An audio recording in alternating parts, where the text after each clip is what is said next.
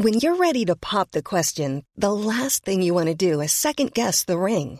At Bluenile.com, you can design a one of a kind ring with the ease and convenience of shopping online. Choose your diamond and setting. When you find the one, you'll get it delivered right to your door. Go to Bluenile.com and use promo code LISTEN to get $50 off your purchase of $500 or more. That's code LISTEN at Bluenile.com for $50 off your purchase. Bluenile.com code LISTEN. Quality sleep is essential. That's why the Sleep Number Smart Bed is designed for your ever evolving sleep needs. Need a bed that's firmer or softer on either side? Helps you sleep at a comfortable temperature? Sleep Number Smart Beds let you individualize your comfort so you sleep better together. JD Power ranks Sleep Number number 1 in customer satisfaction with mattresses purchased in-store. And now save 40% on the Sleep Number limited edition Smart Bed for a limited time. For JD Power 2023 award information, visit jdpower.com/awards. Only at Sleep Number stores or sleepnumber.com. There's never been a faster or easier way to start your weight loss journey than with PlushCare. PlushCare accepts most insurance plans and gives you online access to board-certified physicians who can prescribe FDA-approved weight loss medications like Wigovi and Zepbound for those who qualify.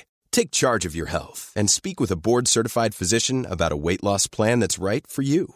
Get started today at plushcare.com slash weight loss. That's plushcare.com slash weight loss. plushcare.com slash weight loss. Palmemordet, Gunnar Wall om Olof Palmes sista steg, del 1. Sveriges statsminister Olof Palme är död. 90 000. Ja, det är mord på Sveavägen. Hörde de säger att det är Palme som är skjuten. Mordvapnet med säkerhet är en Smith Wesson, en revolver kaliber .357. Inte ett svar. Finns inte ett svar. För jag har inget. Och jag har inte varit Varför skulle jag göra Polisen söker en man i 35 till 40-årsåldern med mörkt hår och lång mörk rock.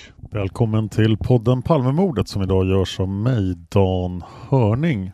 Ja, eh, Gunnar Wall har tänkt på Lars Borgnäs senaste bok och jag väntade länge och många med mig på att höra vad Gunnar Wall hade att säga om den här boken. Och Gunnar levererade en hel del åsikter och jag tänkte därför ta dem som ett poddavsnitt för han har skrivit i princip två avsnitt till oss här och det är högkvalitativt och väldigt intressant som alltid när Gunnar tänker. Så att det är vad de här avsnitten kommer att handla om. Jag fick Gunnars tillåtelse att ta upp det här i podden om jag också lovade att ta upp en replik från Lars Borgnäs och det kommer jag förstås att göra. Innan jag sätter igång så vill jag påpeka att vi är fullständigt beroende av era donationer på Patreon för att hålla igång den här podden och vår ambition är att göra det om nu inte Ja, beroende på vad som händer nu med Christer Peterssons avslöjande så eh, har en lösning som alla accepterar, då kommer vi podda om den lösningen. Sen kommer vi se vad vi kan göra av det här fallet i ett historiskt perspektiv. Men om inte alla är överens om lösningen och det finns en stor del av er som inte håller med om lösningen som Christer Petersson presenterar, då kommer vi fortsätta som förut med alla de spår vi ännu inte har hunnit ta upp. Nu över då till Gunnar Wall. Om ni har missat det så är alltså Gunnar Wall en väldigt duktig bloggare. Hans blogg finns på gunnarvall.wordpress.com och han pratar mer än gärna Palmemordet i kommentarerna på bloggen så att alla kommentarsfälten har mycket Palmemordsdiskussion. Men den här bloggposten som alltså kommit upp två avsnitt här av podden heter Har Lars Borgnäs rätt när han omtolkar förloppet på Sveavägen? Lars Borgnäs nya bok om Palmeutredningen Olof Palmes sista steg i sällskap med en mördare kom ut inför den senaste årsdagen av mordet. Den 34 årsdagen alltså. Och vi väntar som bekant fortfarande på besked om vad som skedde. Vem mördade Palme och varför? Borgnäs är känd för att i många år journalistiskt ha granskat Palmeutredningen. Först i radio och sedan i TV. Hans kunnighet är obestridlig. En ny bok av honom i ämnet är därför en händelse i sig. Den här boken innehåller dessutom dramatiska uppgifter av delvis nytt slag. Själv säger Lars Borgnäs att hans nya efterforskningar innebär att hela mordförloppet måste omtolkas. Det borde, kan man tycka, ha räckt för att boken skulle sätta en stor del av dagordningen för en debatt som alltid får lite extra fart vid årsdagarna. Nu blev det inte riktigt så. Lars Borgnäs bok blev publicitetsmässigt nästan dödad av Palmeåklagaren Christer Peterssons utspel i februari. Det utspel där Petersson så gott som lovade en officiell och definitiv lösning på mordet före halvårsskiftet. Men Borgnäs bok säljer ändå visar det sig. Det är begripligt. Runt om i Sverige förs en omfattande och ofta kvalificerad debatt om Palmeutredningen. Bland annat på den här bloggen vill jag tillägga. Och det finns ett stort intresse för nya faktauppgifter liksom nya infallsvinklar på mordet. Någon tänker säkert att det kan vara tillfälligt. Om nu åklagaren Petersson lägger fram en lösning som besvarar samtliga frågor då upphör väl intresset för alla teorier kring dådet på Sveavägen? Visst, så är det. Det vill säga, om Petersson verkligen presenterar en lösning, han har ju inte gjort det än, och om den övertygande besvarar alla frågor. Innan något sådant har skett så har det faktiskt inte skett. Löften om att mordet snart ska vara uppklarat har det funnits förr. Gunnar Wall fortsätter. Tills vidare är det därför rimligtvis högst relevant att diskutera slutsatserna i Olof Palmes sista steg i Sällskap med en mördare. Vad handlar då boken om? Framförallt tre saker. Sak nummer ett. Den handlar om turordningen på de två skotten som sköts vid Dekorima, alltså vilket skott som sköts först. Sak nummer två. Den handlar om Lisbeth Palmes tillförlitlighet som vittne och vilka motiv hon haft att agera som hon gjort. Sak 3. Och den handlar slutligen om Säpos möjliga roll i mordet på Olof Palme. Sköts Palme med första eller andra skottet? Det som i första hand har lyfts fram i nyhetsrapporteringen kring boken är frågan om skottordningen.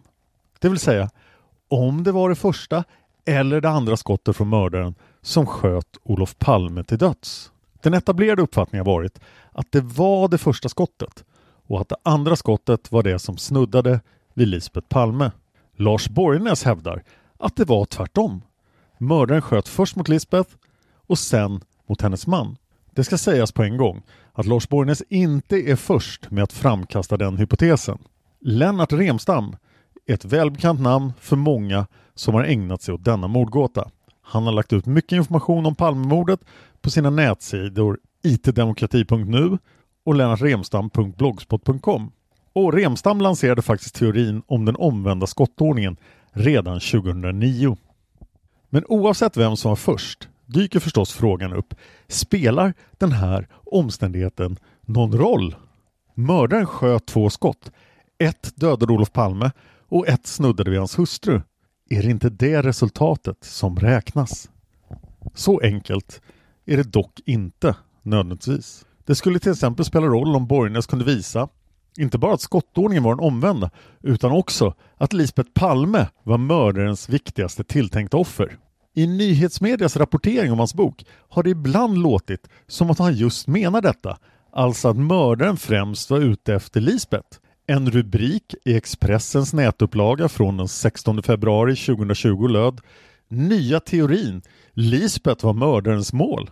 Om det var detta Lars Borgnäs ville ha sagt hade det på ett väldigt tydligt sätt vänt upp och ner på den vanliga föreställningen om mordet. Det kan tilläggas att den som bara bläddrar hans bok faktiskt kan hitta formuleringar som tyder på att det är precis något sånt som han menar.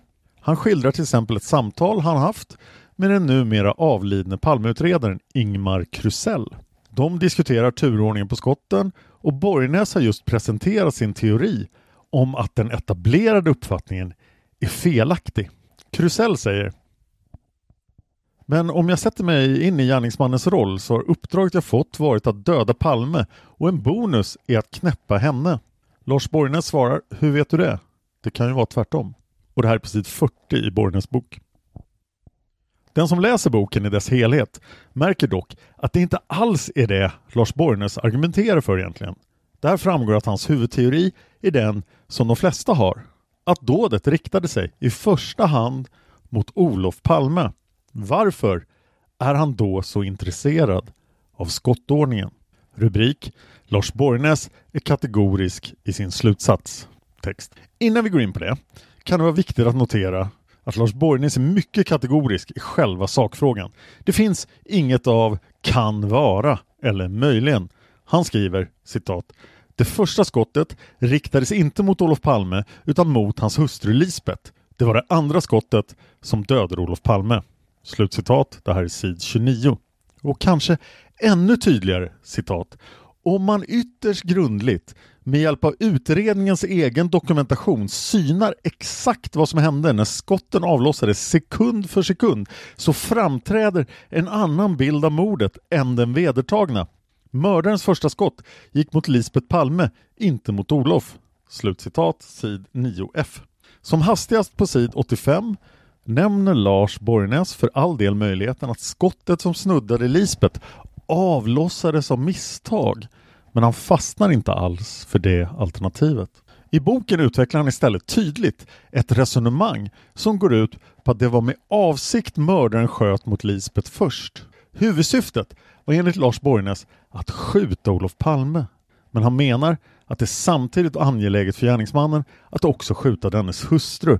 Så angeläget att det till och med påverkade skottordningen. Borgnäs skriver citat när han närmar sig paret Palme och därefter går bredvid dem mot Tunnelgatans mynning har han redan bestämt att han först ska skjuta ett skott mot Lisbet Palme. Det viktiga är att det andra skottet, som måste avlossas mycket snabbt efter det första, blir direkt dödande mot Olof Palme. Utan det resultatet är det hela misslyckat. Slut citat. Gunnar Wall fortsätter. Att mördaren börjar med Lisbeth förklarar Lars Borgnäs med att hon befinner sig längre bort än Olof. Det går inte att kontrollera hennes rörelser och den påtagliga risken finns att hon kommer undan. Palme befinner sig däremot mycket nära mördaren. Denne kan lägga armen på Olof Palmes axel i samband med att han skjuter det första skottet mot Lisbeth. På det sättet har mördaren tillräcklig kontroll över Palme som Lars Borgnäs ser det på sid 107. Men skulle en hand på axeln verkligen kunna hindra Palme från att reagera kraftigt på det första skottet och därmed störa mördarens planer? Ja, det menar Lars. Hans teori är att själva skottet skulle chocka Palme så att han blev passiv. Han hänvisar i boken till ett samtal med vapenexperten Anders Lexne. Denne tar upp ett resonemang om hur insatsstyrkor i polisen kan använda sig av distraktionsgranater när de ska gå in i ett rum. Granaterna kastas in i förväg och avger starkt ljus i kombination med starkt ljud. Avsikten är att skapa några ögonblick av handlingsförlamning. Lexe säger att ett första skott som inte riktades mot Palme skulle fungera på liknande sätt. Hej, det är Danny Pellegrino from Everything Iconic. Ready to upgrade your style game without blowing your budget? Check out Quince. They've got all the good stuff, shirts and polos, activewear and fine leather goods, all at 50 to 80% less than other high-end brands. And the best part? They're all about safe, ethical and responsible manufacturing. Get that luxury vibe without the luxury price tag.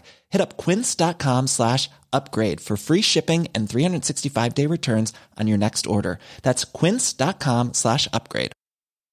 How would you like to look five years younger? In a clinical study, people that had volume added with Juvederm Voluma XC in the cheeks perceived themselves as looking five years younger at six months after treatment. Look younger, feel like you. Add volume for lift and contour in the cheeks with Juvederm Voluma XC. Reverse signs of aging by adding volume to smooth laugh lines with Juvederm Volure XC. For important safety information and to find a licensed specialist, visit juvederm.com. That's J U V E D E R M.com. Not for people with severe allergic reactions, allergies to lidocaine, or the proteins used in Juvederm. Common side effects include injection site redness, swelling, pain, tenderness, firmness, lumps, bumps, bruising, discoloration, or itching. There's a risk of unintentional injection into a blood vessel, which can cause vision abnormalities, blindness, stroke, temporary scabs, or scarring. Talk to a licensed specialist to find out if it's right for you. Normally, being a little extra might be a bit much, but not when it comes to healthcare. That's why United Healthcare's Health Protector Guard fixed indemnity insurance plans, underwritten by Golden Rule Insurance Company, supplement your primary plan so you manage out of pocket costs. Learn more at uh1.com. Mördaren behövde citat inte vara rädd för att Palme skulle hinna kasta sig undan, slutcitat, sid 132. Och det där godtar Lars Borgnäs. Vi ska senare återkomma lite mer till rimligheten i det resonemanget. Nu ska vi fokusera på vad Lars själv hävdar. Det finns dock en speciell invändning mot Lars resonemang som han själv tar upp och besvarar, så den kan vi lika gärna ta här. Invändningen lyder om det var viktigt att skjuta även Lisbet, så viktigt att det påverkade skottordningen. Varför försökte inte mördaren igen sedan han sett att han misslyckats? Lars förklarar med att mördaren i det läget kommit fram till att det inte spelar någon roll. Lisbeth hade fått sin varning. Vad hon än hade sett skulle hon inte prata. Vi återkommer även till det. Låt oss nu titta på vad som står i centrum för Lars Borgnäs resonemang om skottordningen. Att hela vår förståelse för mordet förändras om vi inser att det första skottet gick mot Lisbeth. Rubrik Lisbet Palmes upplevelse av förloppet. Det Lars Borgnäs framförallt syftar på är att Lisbet Palmes egen upplevelse av förloppet och hennes egna iakttagelser rimligtvis blir annorlunda om det är det första skottet som snuddar henne och det andra som dödar hennes make. Skottet mot henne svepte, som vi vet, längs med hennes rygg. Det innebär att hon inte var riktad rakt framåt när skottet mot henne gick av. Istället var hon till hälften vänd mot mördaren när hon blev beskjuten. Om det nu var det andra skottet som snuddade vid henne, alltså den traditionella tolkningen, är det ju inte förvånande att hon svängt runt efter den första smällen. Och det stämmer bra med hennes egen beskrivning av händelseförloppet. Det plötsliga starka ljudet får henne att vända sig mot sin make som tycks ha befunnit sig något bakom henne och hon ser då att han faller ihop. Enligt hennes egna vittnesuppgifter observerar hon inte alls gärningsmannen vid det tillfället. Det där sista är ändå lite förvånande kan man tycka eftersom hon blir beskjuten bara på en meters håll och hon har svängt runt så att hon till hälften är vänd mot mördaren. Men det går i alla fall att tänka tanken att hon har allt fokus på sin man i det läget. Om det däremot var som Lars Borgnäs säger, om det var det första skottet som strök Lisbeth längs med ryggen, då hade hon vänt sig om redan innan mördaren sköt och då blir det väldigt svårt att föreställa sig att hon inte lagt märke till honom. Dessutom strider ett sådant förlopp mycket klart mot vad Lisbeth själv berättar. Godtar vi Lars Borgnäs tes att det var det första skottet som sköts mot Lisbeth väcker alltså frågor om vad som har fått henne att ge en felaktig version av vad som skett. Nu framstår det mera tydligt vad som fångat Lars Borgnäs intresse. Hans version av händelseförloppet anknyter direkt och drastiskt till de vittnesuppgifter som pekar på att paret Palme och mördaren hade haft kontakt före skottlossningen. Och de uppgifterna går väldigt tydligt på tvärs mot Lisbeth Palmes berättelse om vad hon upplevde och observerade. Lars Borgnäs, som är säker på sin sak vad gäller skottordningen, skriver citat den oundvikliga slutsatsen blir att Lisbeth Palme inte har återgett händelseförloppet på ett korrekt sätt. Jag menar att hon såg sig förhindrad att ge en riktig bild av vad som skedde vid attentatet därför att priset för motsatsen var för högt. Slutcitat, sid 10. Det vill säga, på något sätt skulle det ha kostat Lisbeth Palme för mycket att tala sanning om vad som skedde på Sveavägen. Lars Borgne skriver att Lisbeth måste citat ha haft ett synnerligen starkt motiv till sitt agerande. Slut citat. Gunnar Wall fortsätter. Och Lars menar att det kan ha handlat om rädsla för att hon eller sönerna skulle utsättas för fysisk fara om hon avslöjade sanningen. Alternativt att känsliga uppgifter om hennes mans politiska gärning eller privatliv skulle komma ut. Sid 167. Dessutom lägger han alltså till det vi nyss berörde. Han menar att det finns saker som talar för att Olof Palmes mördare förstod eller kände till att Lisbet Palme skulle tiga. Låt oss citera detta utförligt. Citat. Det finns en möjlighet att mördaren lämnade platsen i trygg förvissning om att hon inte skulle ha någonting att säga till polisen direkt efter mordet. Inte någonting som skulle bidra till jakten på honom och att han litade på att hon inte skulle beskriva honom eller på ett riktigt sätt berätta om händelseförloppet vid mordplatsen. Det betyder i så fall att han kände till att hon hade mycket stark anledning att inte säga som det var, att förtiga sanningen. Denna faktor utgör i så fall med all sannolikhet en nyckel till mordet. Slutcitat. Det här var på sid 89-90 och längre fram citat. När han, mördaren, lämnade mordplatsen visste han att Olof Palme var död men att Lisbeth Palme fortfarande stod upp och inte var allvarligt skadad.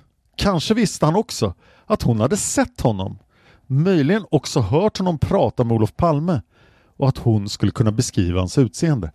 Ändå lämnade han platsen. Om han förlitade sig på att Lisbeth Palme från början och framgent inte skulle kunna leda polisen rätt i jakten på gärningsmannen visade sig vara en korrekt bedömning.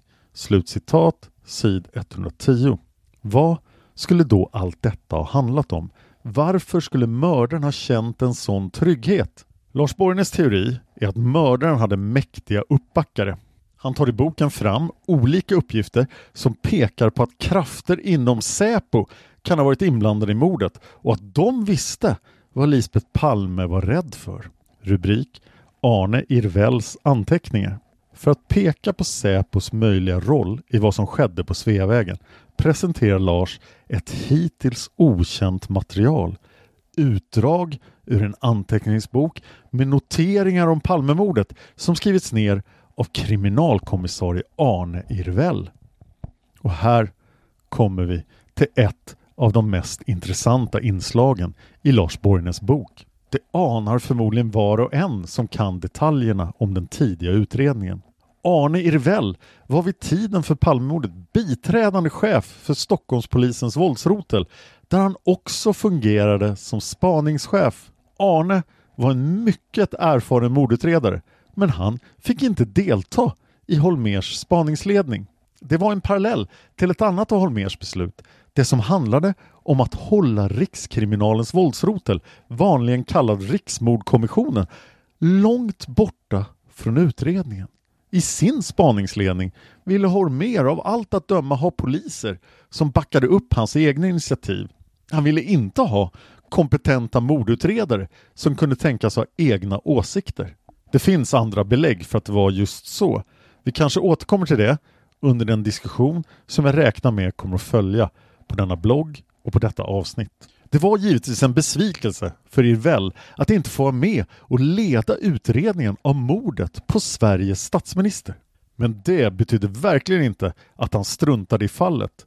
Det Holmer inte var intresserad av att höra skrev alltså Irvell ner. Och senare kom hans son att lämna över anteckningarna till Lars Borgnäs. Av anteckningarna framgick att Irvell hade funderat mycket över Säpo.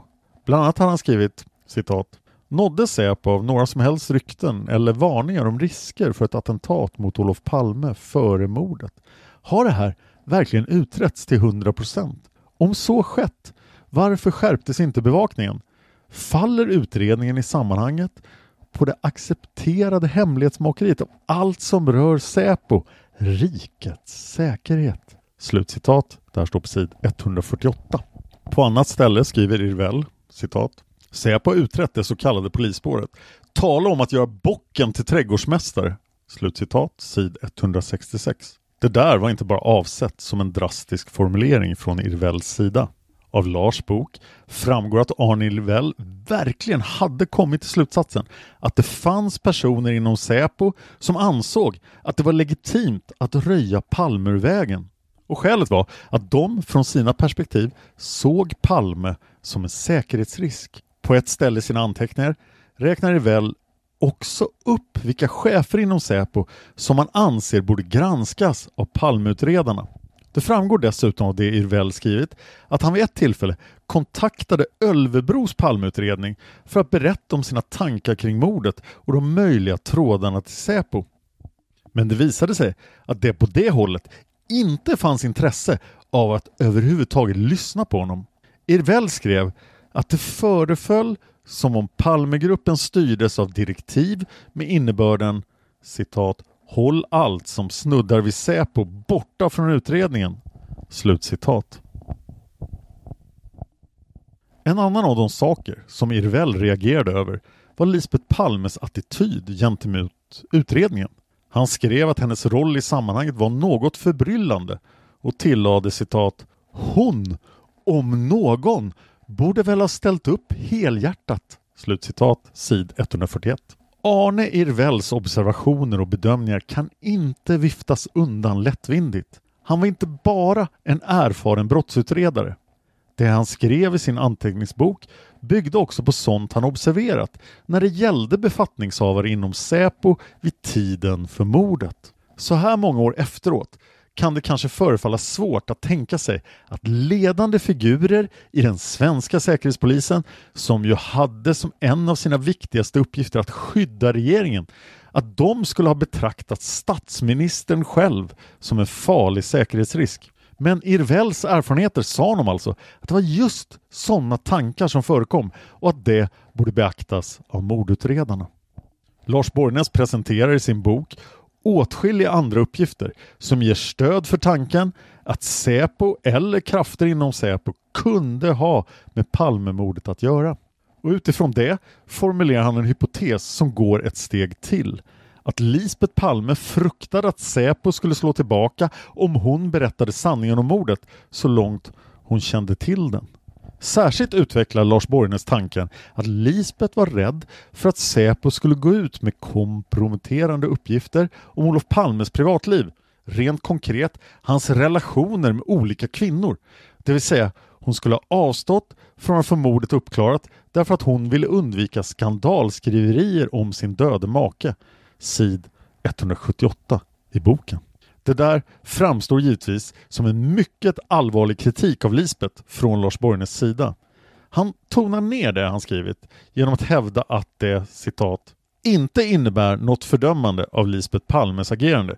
Det är möjligt att vem som helst som hade befunnit sig i samma situation som hon och som ställts inför samma val hade gjort som hon gjorde. Slutcitat, sid 139. För all del, säger Gunnar Wall. Det kvarstår ändå att Lars hävdar att Lisbeth Palme på eget initiativ såg till att utredningsarbetet kraftigt skulle försvåras. Att hon personligen valde att bidra till sannolikheten för att sökandet efter hennes makes mördare skulle hamna i ett misslyckande. Lars understryker sin uppfattning om Lisbeth Palme som en direkt centralfigur när det gäller att förklara varför utredningen gått snett genom till exempel den här formuleringen. Citat. Kanske var hon den som varit starkast och starkare än de poliser och åklagare som talade med henne. Slutcitat sid 143 och på ett annat ställe. Citat. I en mening har alltså Lisbeth Palme styrt sin medverkan i utredningen med järnhand från första början. Slutcitat sid 146. Rubrik Mötesscenariot vad var det då för omständigheter kring själva mordförloppet som Lars menar att Lisbeth valde att dölja? Det handlar enligt honom om det som brukar kallas mötesscenariot. Detta scenario var en hypotes som privatspanaren, och jag lägger ingen nedsättande i det ordet, Ingvar Heimer utvecklade och presenterade på en egen hemsida under 90-talet. Ingvar Heimer avled sedan han under oklara omständigheter utsatts för en skada i bakhuvudet på Vårbergs T-banestation i januari 2000. Även journalisten Erik Amkoff tog tidigt upp tanken på att Palme mördades i samband med ett möte. Gunnar Wall kände Ingvar Heimer, säger han, och tog intryck av hans efterforskningar. I alla hans böcker om Palmemordet har Gunnar tagit upp mötesscenariot som en högst tänkbar hypotes för hur mordet kan ha gått till. I korthet handlar om att Olof Palme skulle ha begett sig till ett kort möte efter bioföreställningen och att det styrde valet att promenera Sveavägen hemåt.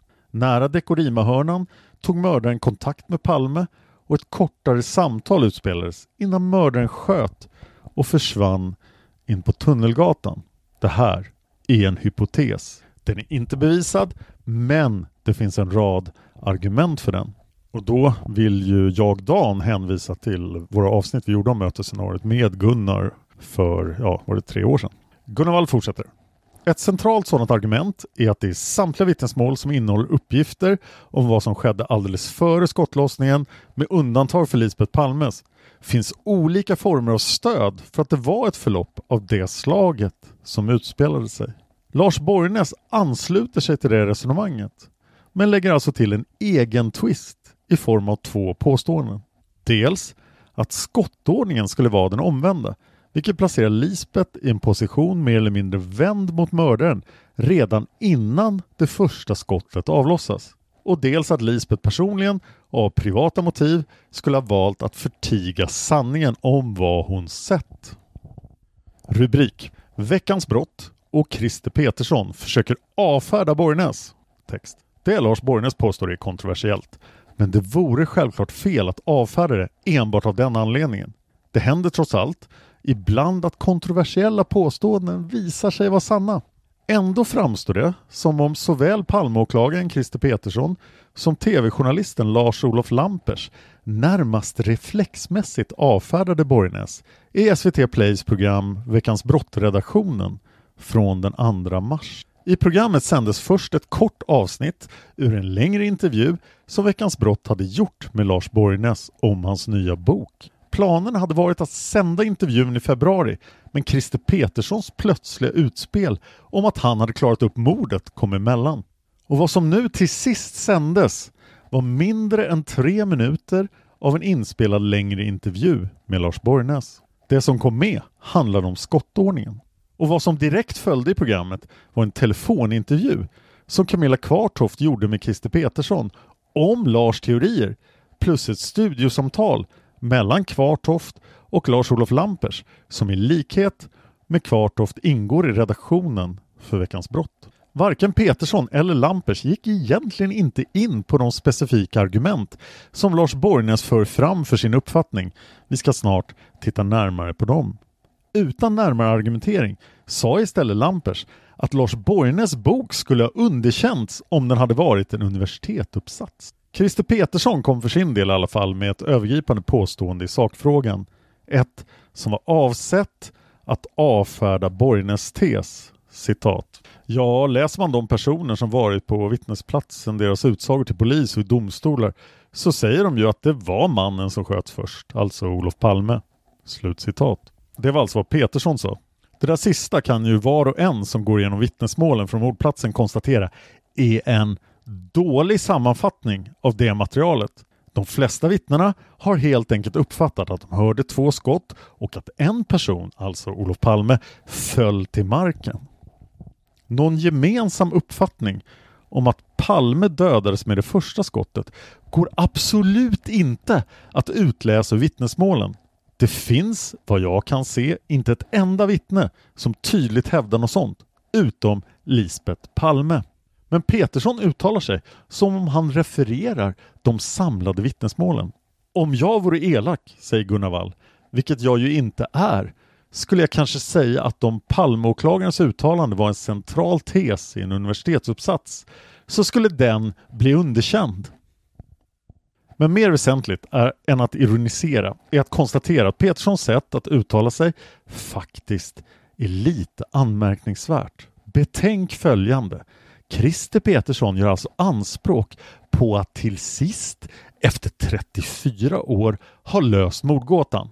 Självklart behöver han inte för den sakens skull ha samtliga utredningens detaljer i huvudet när Camilla Kvartoft ringer. Eller ens annars. Men om han verkligen har lösningen till hands och bara ska putsa lite på presentationen av den hade han ju kunnat ge det i sammanhanget självklara svaret att han inte hade tid att kommentera alla tänkbara teorier för tillfället och att det nog inte skulle behövas snart. Men istället fabulerade Christer Petersson alltså fritt. Det är inte alldeles förtroendeingivande. Men när detta är sagt måste också sägas Lars Borgnäs behöver inte ha rätt bara för att han utsätts för en otillständig sågning i Veckans brott. Rubrik Lars Borgnäs tre punkter om skottordningen. Låt oss därför titta på de olika delarna av hans resonemang Och låt oss börja med tesen att skottordningen skulle ha varit den omvända. Borgnäs argumentering i den frågan kan sammanfattas i följande tre punkter. 1. Skottet genom Palmes ryggrad dödade direkt och slog lika direkt ut förmågan att stå på benen. Inom en halv sekund hade kroppen fallit till marken. 2. De två skotten kom med mellan en och tre sekunders mellanrum. 3. Om Palme hade träffats av det första skottet skulle han inte ha stått upp när det andra skottet avfyrades. Men det gjorde han, enligt de vittnen som såg händelsen, sid 29. Det där är ett tydligt och begripligt logiskt resonemang. Frågan är alltså om de olika delarna också håller i sak. Lars Borgnäs hänvisar vad gäller den första punkten till medicinsk expertis. Bland annat rättsläkaren Kari Ormstad som deltog vid obduktionen. Låt mig säga på en gång att här har jag ingen invändning. Palme börjar ligga på marken när en halv sekund passerat sedan det dödande skottet skjutits. Den andra punkten bygger på vittnesuppgifter om tiden mellan skotten. Lars Borgnäs redovisar ett antal vittnesuppgifter om den saken, nämligen följande. Kerstin N som hörde skotten från sin lägenhet på Sveavägen 39 3 sekunder. Nikola F som passerat paret till fots 1 till 2 sekunder. Kristina V som promenerade söderut på Sveavägens västra sida kanske 3 sekunder. Jan A som var passagerare i Chevamannens bil, alltså Leif L, säger först med ett markant mellanrum och sen säger han cirka 2 högst 3 sekunder. Sirpa L som promenerade söderut på Sveavägens västra sida säger möjligen någon sekund mellan smällarna. Och så Lars J som stod inne på Tunnelgatan som säger i tät följd. Men i samtal med Lars Borgnäs har Lars J senare uppskattat det till cirka två sekunder mellan skotten.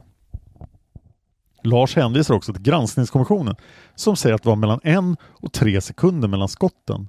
Och han kommer själv fram till att tiden mellan skotten citat definitivt var större än en halv sekund. Slutcitat, sid 34. Gunnar Wall säger här är jag inte fullt lika övertygad. Låt oss börja med ett av de vittnesmål som Lars hänvisar till, nämligen Kerstin N. Lars lyfter fram det särskilt och menar att det verkar vara den mest ambitiösa rekonstruktionen av tidsavståndet. Det han syftar på är att Kerstin i det andra förhöret hänvisar till en rekonstruktion som hon gjort med sin son. Hur den har gått till framgår dock inte och i avsnitt 217 av den här podden där Lars intervjuas medger han att han själv inte vet det. Vad som är ägnat att väcka en del tvivel på Kerstins förmåga att minnas sina iakttagelser från mordkvällen särskilt exakt är dock något som framgår redan i första förhöret med henne, förhöret från den 9 mars 1986. Jag går här, liksom i några andra fall, till polisförhören och nöjer mig inte med det som finns i Lars sammanfattningar i boken. De flesta förhören med Sveavägsvittnena kan hittas på itdemokrati.nu. Kerstin berättar i detta första förhör att hon stått i sitt vardagsrum och tittat ut genom den stängda balkongdörren. Då hade hon sett en man och en kvinna korsa Sveavägen i östlig riktning vid Adolf Fredriks kyrkogata och också noterat att det hade kommit en man gående efter dem. Hennes observation har förstås sitt intresse eftersom det låter som om den kan handla om paret Palme och möjligen också en förföljare. Sen är Kerstin dock osäker på när hon har hört skottlossningen. Antingen var det mycket nära i tid efter denna iakttagelse. I så fall handlar det om att hon innan hon lämnade sin position vid balkongdörren hade öppnat den och då hade det smält. Eller också hade hon efter att ha observerat paret som korsade gatan suttit och tittat på TV i 15 till 30 minuter och därefter öppnat balkongdörren och då hört skottlossningen. Hennes tveksamhet gäller förvisso inte tiden mellan skotten, men den handlar definitivt om en tidsfaktor. Slutsats. Om det här är Lars bästa vittne i denna fråga så är det inte något riktigt idealiskt bästa vittne. Vi kan också notera att Lars redovisar att ett annat av de vittnen han lyfter fram, Lars J, i ett tidigt polisförhör säger i tät följd även om han senare, oklart när, kanske åratal efteråt, säger till Lars att det var cirka två sekunder emellan. Tittar vi på ett vittne som Lars Borgnäs inte tar upp i just det här sammanhanget, nämligen Inge M, kan vi konstatera att denne beskriver skottlossningen med följande ord. Citat. Jag uppfattade som att han sköt honom två gånger. Slutcitat. Som vi kommer till lite längre fram ser Lars Borgnäs det som ett argument för att Palme blev träffad först av det andra skottet. Men det är också fullt möjligt att tolka det som att skotten gick av i så snabb takt att det var därför ingen uppfattade som att båda riktades mot Palme. Och det kan i så fall peka mot en tidsrymd som är kortare än en sekund. De som går igenom vittnesmålen kan också konstatera att där finns en del allmänt hållna uppgifter som bara går ut på att skotten kom i snabb följd utan närmare preciseringar. Något som i alla fall vid första anblicken tycks ge stöd åt Lars tes är följande. Av alla de vittnen som överhuvudtaget försöker uppskatta tidsavstånd mellan skotten är det inget vittne som kommer med preciserade uppgifter under en sekund. Det är ingen som säger 0,8 sekunder eller 0,5 sekunder. Frågan är bara hur mycket det bevisar. De flesta människor är inte alls vana att uppskatta så korta tidsrymder. En sekund kan därför vara ett uttryck för vad vittnet uppfattar som den kortast tänkbara tidrymden i det sammanhanget. Om vi återigen letar efter argument för att Lars Borgnäs ändå har rätt kan det sägas att flera av vittnesmålen tydligt innehåller uppgifter som tyder på att vittnet på något sätt hunnit reagera över det första skottet innan det andra skottet kommer. Frågan är förstås bara i vanlig ordning när det gäller vittnen.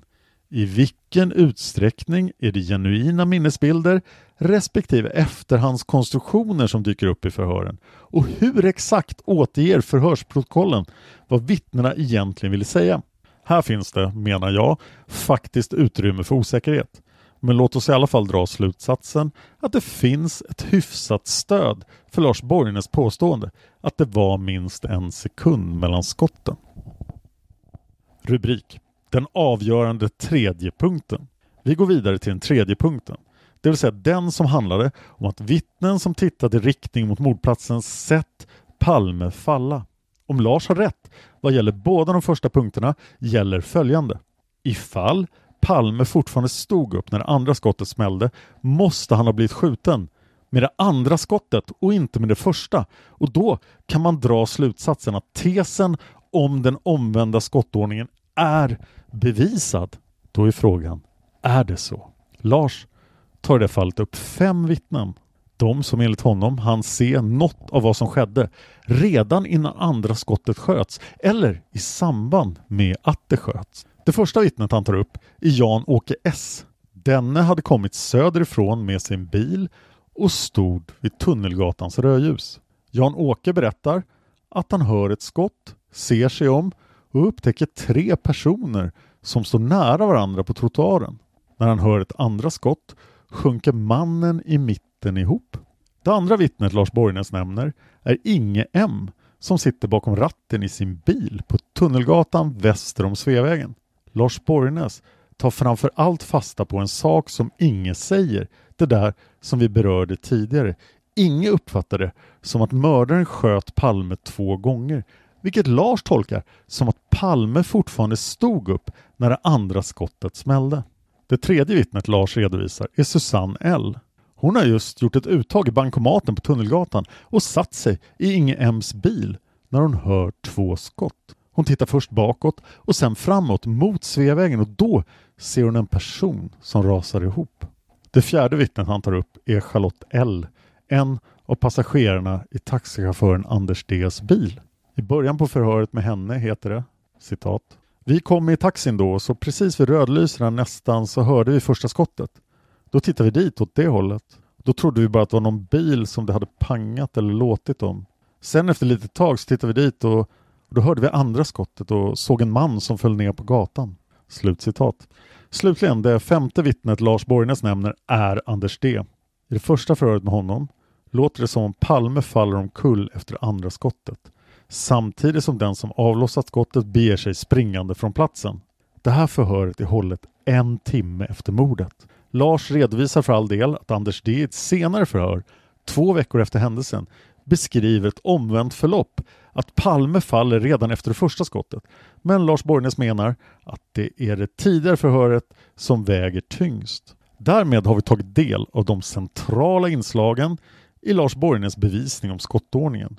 Och det är nu som det hela ställs på sin spets. Om vi godtar att Palme föll ihop inom en halv sekund, vilket förefaller utrett och bevisat, och om vi också godtar att det var minst en sekund mellan skotten, vilket mycket talar för, då är Lars Borgnäs i hamn med sin teori. Om man dessutom kan göra troligt att Palme föll ihop först efter andra skottet. Låt oss nu granska de här fem vittnesmålen om denna avgörande sista punkt. Först Jan-Åke S. Jag går till polisförhören. Det första förhöret har klockslag angivet men är uppenbarligen på grund av slarv från polisens sida odaterat. Sannolikt är det från mars 1986. Det finns en handskriven notering längst ner på första sidan där det står 830303 vilket möjligen ska avse 860303. Ytterligare en detalj förtjänar att nämnas. Kriminalinspektören som har utfört förhöret inleder sin utskrift med att ange vilket brott som förhöret avser och när brottet ägde rum. Och då anges tidpunkten för mordet på Palme till 23.15, vilket förstås är fel. Sammantaget förmedlar de här missarna intrycket av en viss hafsighet när det gäller förhöret. Detta förhör är dessutom, som tyvärr så ofta är fallet, utskrivet i sammanfattat form. Därmed finns det i vanlig ordning inte helt obetydliga risker för feltolkningar av vad den förhörde faktiskt har sagt. Låt oss se detta första förhörsprotokoll med Jan-Åke S som en tydlig påminnelse om att polisprotokoll är resultat av mänskliga ansträngningar och att de kan innehålla mänskliga misstag. Nog sagt om detta och över till vad som finns i protokollet om det vi letar efter. Jan-Åke sitter alltså vid ratten i väntan på att trafikljuset ska slå om. Dekorima-hörnan ligger snett till höger framför honom. Jag citerar nu utförligt citat. Han hör sedan ett skott. Han säger att han uppfattade ljudet som om det kunde vara ett skott och hade dessförinnan innan inte lagt märke till något speciellt i omgivningen. När Jan-Åke tittar upp ser han tre personer stå på trottoaren i korsningen Sveavägen-Tunnelgatan. Samtidigt går ett skott till av och mannen som står i mitten av de tre personerna sjunker ihop. Slut citat. I nästa förhör, daterat den 9 april 1986, står det citat. Jan-Åke tittade åt det håll varifrån smällen hörts och omedelbart därpå hörde han återigen en smäll. Han ser också i samma sammanhang tre personer som står på trottoaren och två av personerna är män och en är kvinna. Mannen i mitten sjunker ihop på trottoaren och mannen som har stått till höger från Jan-Åkes försvinner in i gränden, alltså Tunnelgatan österut. Jan-Åke poängterar att alla iakttagelser som han nu berättat om sker inom en väldigt kort tidsperiod. I princip så händer det i ett moment. Slutcitat. Vad kan vi utläsa av det här? Det är trots allt inte helt uppenbart. Visserligen låter det framförallt i första förhöret som om händelseförloppet i tur och ordning är 1. Det första skottet smäller 2. Jan-Åke upptäcker tre personer som står på trottoaren 3. Det andra skottet smäller 4. Palme faller. Men samtidigt verkar det som om Jan-Åke S tämligen omgående sedan han hört det första skottet tittar mot brottsplatsen. Det ligger rimligtvis inom hans synfält. Han sitter ju vid ratten. Det betyder att han bör kunna ha sett Palme falla även om denne blev skjuten med det första skottet. Själv betonar Jan-Åke i det andra förhöret att allt som sker framstår som ett enda snabbt och sammanhängande förlopp. Som han beskriver det uppfattar han alltså ingen påtaglig tidsrymd mellan ljudet av skotten och sin observation av mannen som faller respektive mannen som tar till flykten. Självklart ger förhöret med Jan-Åke ett visst stöd åt Lars Borgnäs tes om att Palme sköts med andra skottet. Men jag menar att det ensamt långt ifrån räcker för att bevisa den saken. Vi går vidare till det andra vittnet, Inge M. Det är han som berättat att det verkade som om Palme blev skjuten två gånger. Uppgiften finns i det andra förhöret två veckor efter mordet. Frågan är bara hur det lite speciella uttalandet ska tolkas. Betyder det att inget tydligt noterade att Palme stod på benen efter det första skottet men inte efter det andra? Eller betyder det bara att han uppfattade det som att det smällde två skott i snabb följd och att Palme i samband med det föll till marken? Det första förhöret, som är ett telefonförhör från den första mars, är inte till någon större hjälp. Där står det citat. Strax efter hörde han två skott gå av och såg hur det blixtrade till och en människa föll omkull. Slutcitat. Det kan knappast uppfattas som en exakt kronologisk beskrivning. Det är osannolikt att smällarna kom först och sen ljusfenomenet och till sist Palmes fall till marken. Men i det andra förhöret, den 14 mars, hörs Inge betydligt mer utförligt. Då berättar han att gärningsmannen går upp bakom Palme och tycks ta honom i axeln. Citat från förhöret. Sen small det bara två skott. Han som sköt, efter skotten så tog han ner handen lugnt och fint, tog ett par steg bakåt och kvinnan, hon vände sig om och ropade. Det här låter som om Inge helt enkelt upplevde att det smällde två skott i snabb följd. Det finns inga uppgifter om att han gjorde några särskilda iakttagelser eller reflektioner mellan det första och det andra skottet.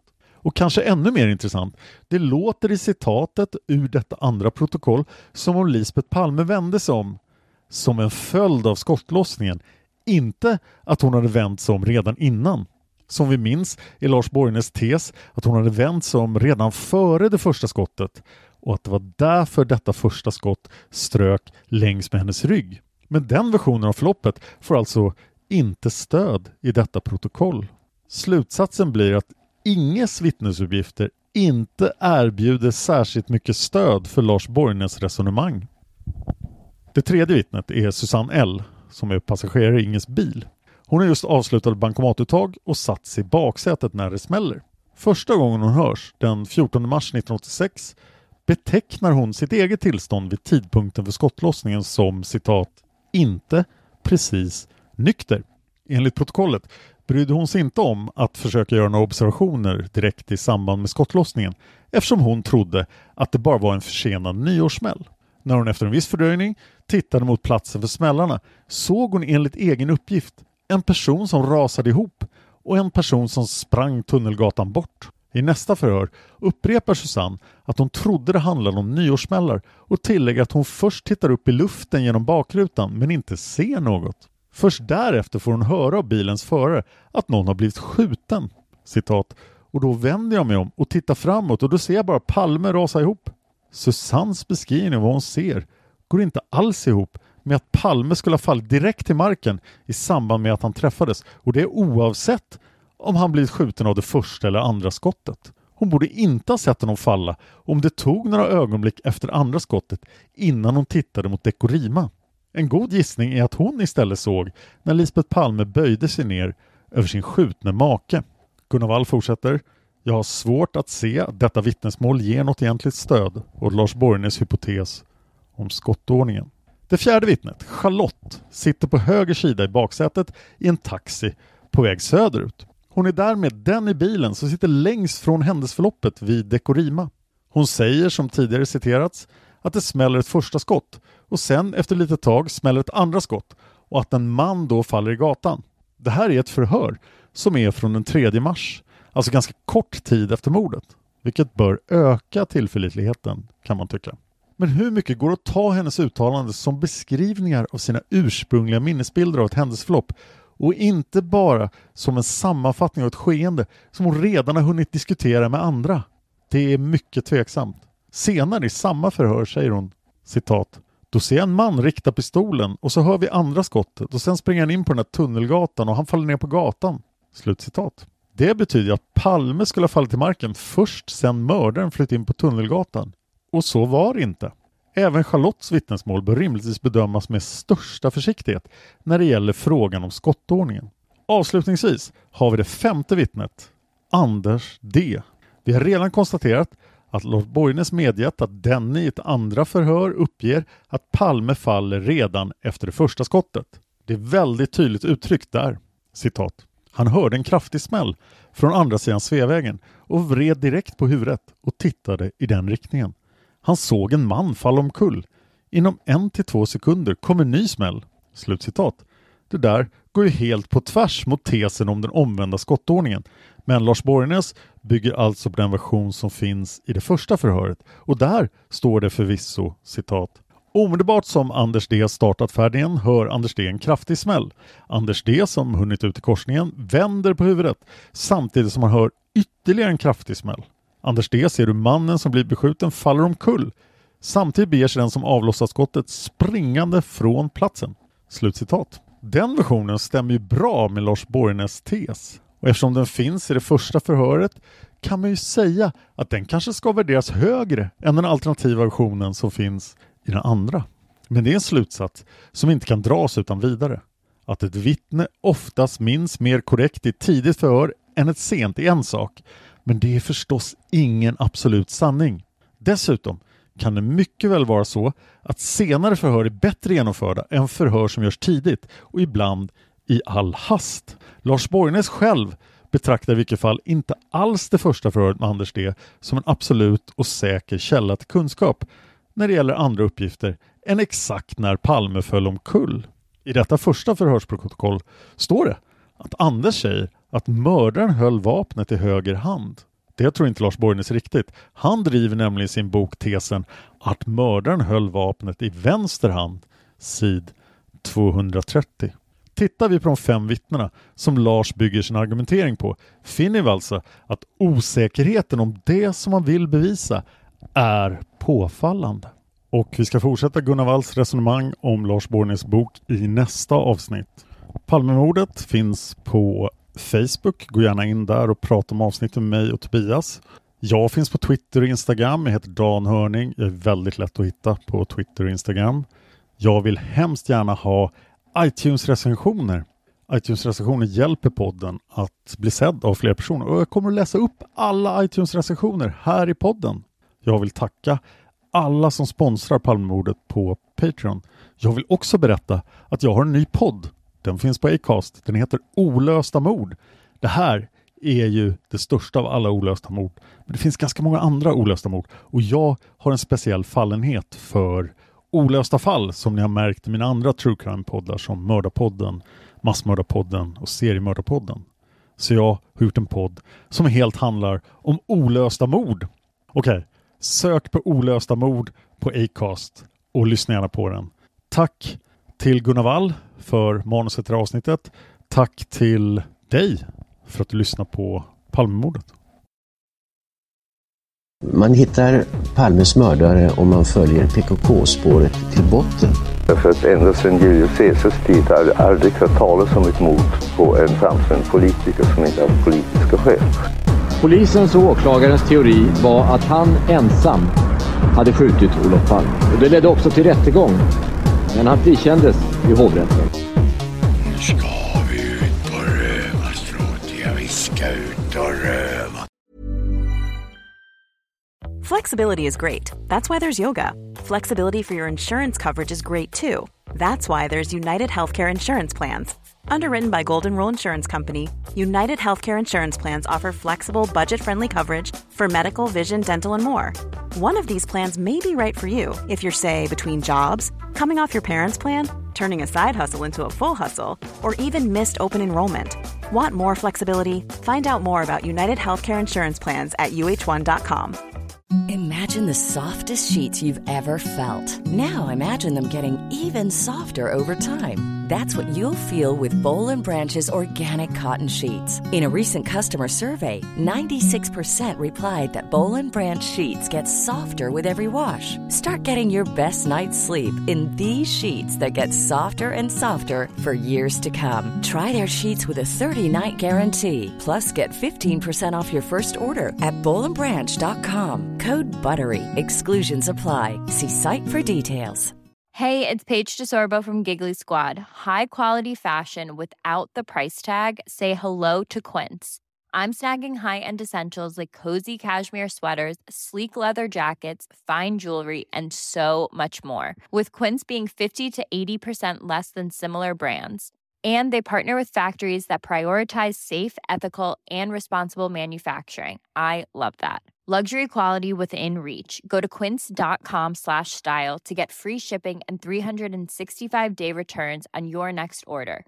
Quince.com slash style.